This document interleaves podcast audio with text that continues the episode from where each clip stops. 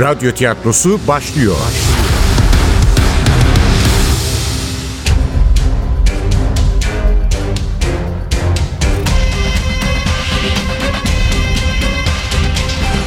Sultanı Öldürmek 50. Bölüm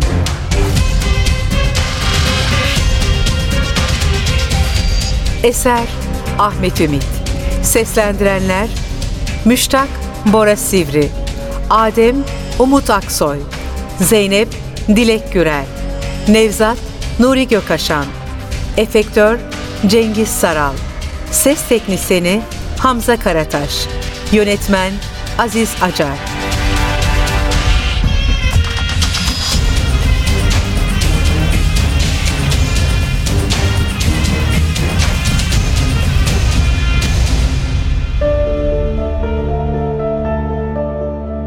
Nusret bana mektup mu yazmış? Yani yedi yıl boyunca yazdıklarıma tek satır cevap alamamış biri olarak şaşırdım da biraz. Şaşırmakta haklısınız. Evet, size mektup yazmış ama yollayamamış.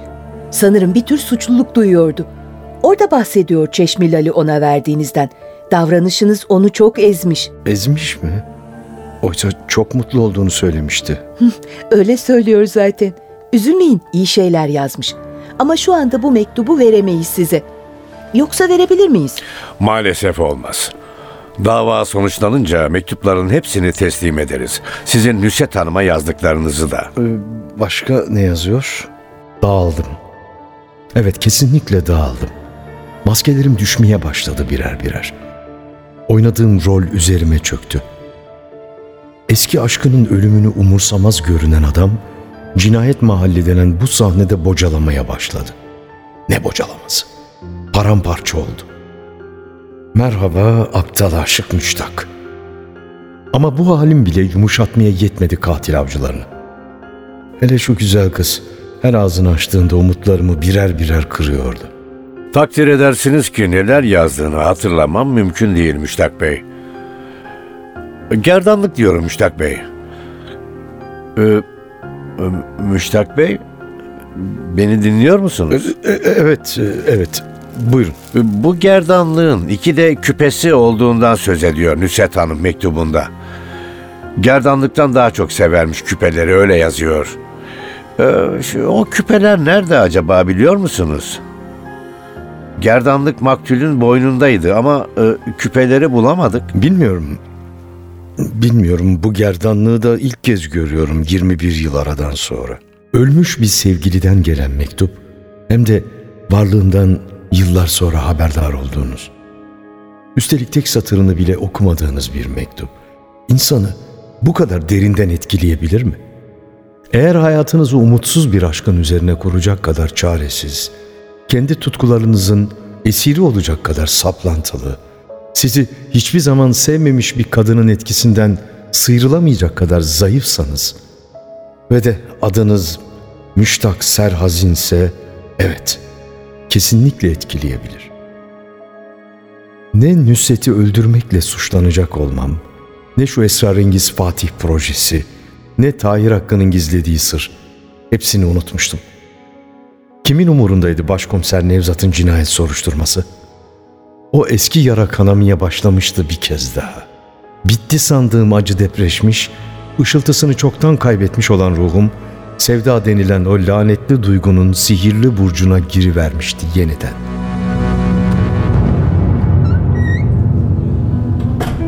Sahtiyan apartmanından çıktığımda tek bir kar zerreci bile kalmamıştı gökyüzünde. Kudretini yitirmiş bir güneş inatla hükmünü sürdürmeye çalışıyordu ama ne çatılardan sarkan buz parçalarına ne de kıyıda köşede kalmış beyaz birikintilere geçirebiliyordu sözünü. Sahtiyan apartmanından adım adım uzaklaşıyordum. Nusret'in sokağını geride bırakıyordum ama tuhaftır. Her adımda sanki biraz daha yakınlaşıyordum. Onun beni hiçbir zaman terk etmeyecek olan varlığına. Sanki köşeyi dönsem burun buruna gelecektim. Yıllardır içimde kutsal bir emanetmiş gibi sakladığım kadının o hiç bozulmamış hayaliyle.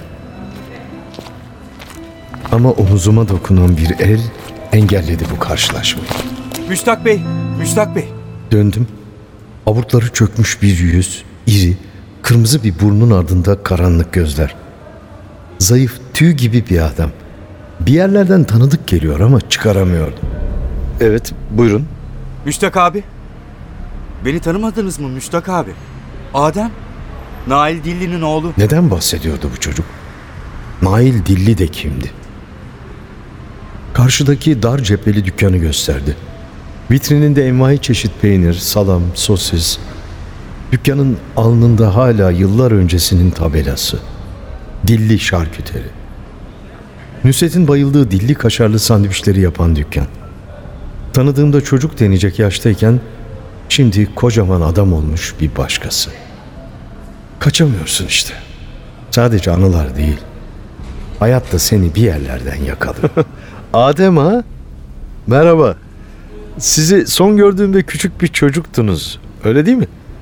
10 yaşından daha büyük değildiniz herhalde. Ee, yıllar oldu sizi görmeyeli. Adem sanki beni dinlemiyor gibiydi. Etrafa kaçamak bakışlar attıktan sonra cebinden bir kredi kartı çıkarıp uzattı. Nedense geriledim. Bu sizin. Be- benim mi? Sizin? Müştak Serhazin. Müştak Serhazin. E, benim kartımın sizde ne işi var? Siz verdiniz. Ben mi verdim? Ne zaman verdim? İki akşam önce. Gelin dükkana geçelim. Olmuyor böyle sokak ortasında. Hayır. E, burada konuşacağız. Müştak abi ben yabancı değilim. Gelin şu dükkana girelim. Yok. E, emin misiniz benim verdiğimden? Tabii eminim. Alışveriş yaptınız. Hayır. Yalan söylüyorsunuz. Ben sizden alışveriş falan yapmadım. Abi ayıp oluyor ama.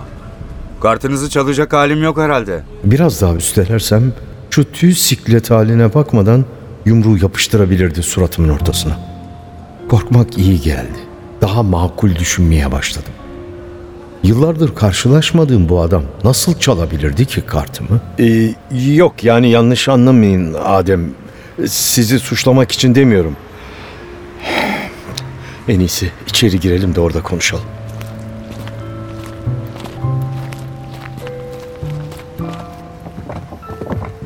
Buyurun Müştak abi öyle geçin.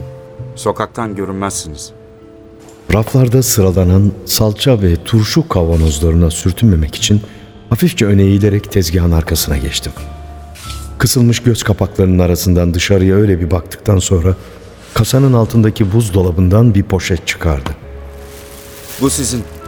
Benim mi? Sizin iki dilli kaşarlı sandviç. Dörtte içecek. Tıpkı eskiden olduğu gibi. Gerçekten hatırlamıyor musunuz? Hiç. Bir hastalığım var benim. Yaptıklarımı unutuyorum. Her zaman değil ama birkaç yılda bir oluyor. İlginç. Oysa geçen akşam buraya geldiniz Müştak abi. Kendimi tanıttım. Siz de şaşırdınız hatta az önce söylediğiniz sözlerin neredeyse birebir aynalarını sarf ettiniz. Sonra iki tane dilli kaşarlı sandviç, dört tane de içecek istediniz. Hepsini poşete koydum. Ödemek için kartınızı uzattınız, şifrenizi yazdınız. Bir anlığına arkamı döndüm, baktım kaybolmuşsunuz. Nasıl kayboldum? Öylece kayboldunuz işte. Sokakta birini gördüğünüzü sandım. Nüset Hanım'ı onunla konuşmak için dışarı çıktığınızı, hemen döneceğinizi düşündüm ama dönmediniz. Ne kadar çabalarsan çabala, kaderden kaçamazsın derdi annem. Babamla kavga ettiği zamanlarda aslında kendisini teselli etmek için böyle söylerdi. En iyisi kabul etmek müştakçım. En iyisi razı olmak, boyun eğmek.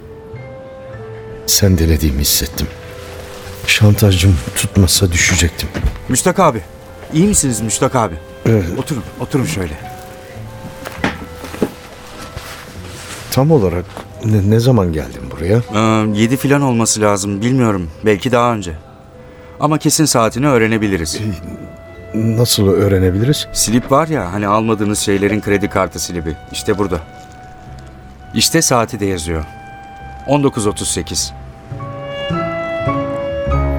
Böylece katilliğimiz tescillenmiş oldu. Sadece Adem değil, aynı zamanda devletin kasasının kestiği slip de vardı. Hem şahit hem delil. Ee, bir daha gördünüz mü beni? Görmedim. Yıllar önce olduğu gibi yine Nusret Hanım'a gittiğinizi düşündüm. Ne büyük aşktı sizinki. Dükkan böyle sokağın ağzında olunca istemese de olana bitene şahit oluyor insan. 50 yıllık esnafız abi bu sokakta. Kim ne zaman doğdu, kim ne zaman öldü, kim kiminle evlendi hepsini görmüşüz. Ben değil tabii babam. Pırlanta gibi delikanlı bu müştak derdi sizin için.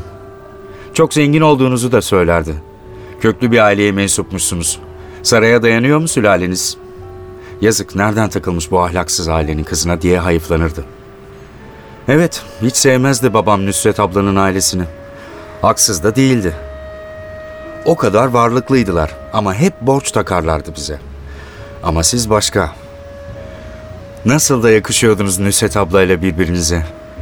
Yazları gelirdiniz annesiyle abisi büyük adaya taşınınca sabahları okula birlikte giderdiniz. Yine öyle yapacağınızı zannettim. Sabah apartmandan birlikte çıkacağınızı, kredi kartınızı da o zaman alacağınızı düşündüm. Ama gelmediniz. Sizin yerinize polis geldi. Bakışlarımı kaçırdım. Omuzumda belli belirsiz bir ağırlık hissettim.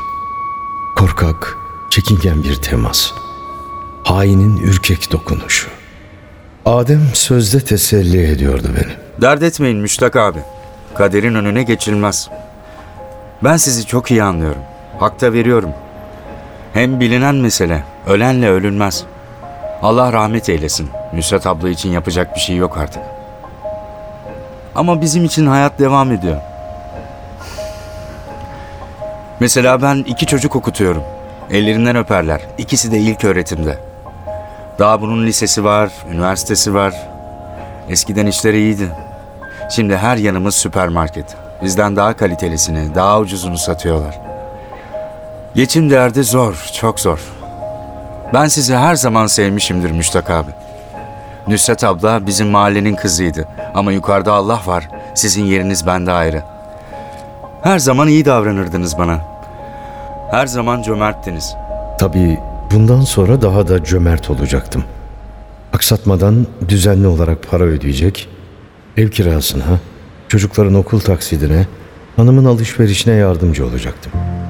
Adem de o akşam Müştak abisini bu sokakta gördüğünü kimseye söylemeyecek, kredi kartının silibini kimseye göstermeyecekti. Anlamazlıktan gelsem? Hayır.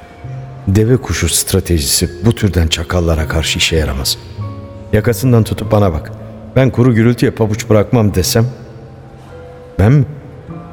Yani Müştak Serraz'in birinin yakasından tutup olacak iş değil ya. Diyelim ki yaptım. Bu alçak herif suratımın ortasına kafayı koydum anında yere sererdi beni. Belki de yakamdan tutup emniyete kadar kendi elleriyle götürürdü. Daha görür görmez bir terslik olduğunu anlamıştım başkomiserim. Müştak abi çıldırmış gibiydi. Mektup açacağını kaptığı gibi saplamış eski sevgilisinin boynuna. Nevzat inanır mıydı ona? Niye inanmasın?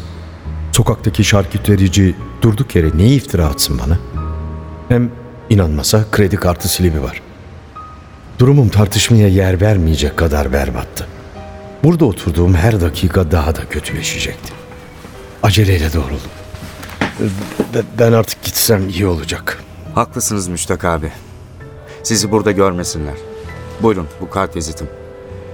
Sizde bulunsun lazım olur. Ben de sizin numaranızı alayım. Tek tek söyledim telefon numaramın rakamlarını. Başka ne yapabilirdim ki? Can damarımdan yakalamıştı beni. Özenle not etti duyduğu rakamlar. Yakında ararım sizi. Şişli'ye kadar zahmet etmeniz de gerekmez. Dilediğiniz yere gelirim. Canınızı sıkmayın Müştak abi. Bak üzülürüm valla. Merak etmeyin halledeceğiz bu işi.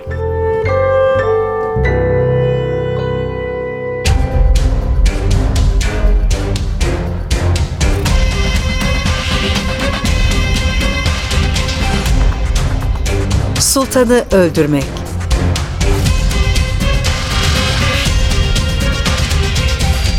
Eser Ahmet Ümit.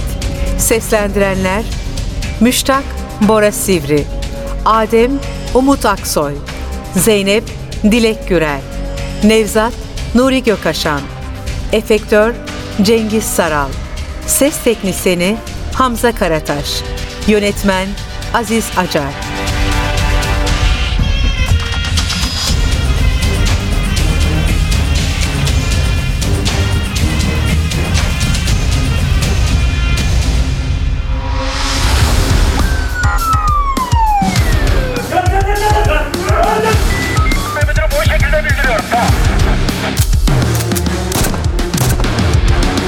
Radyo tiyatrosu sona erdi. Radyo tiyatrosu her cumartesi 11.30'da NTV Radyo'da. Kaçıranlar ve tekrar dinlemek isteyenler içinse ntvradio.com.tr'deki podcast sayfamızda.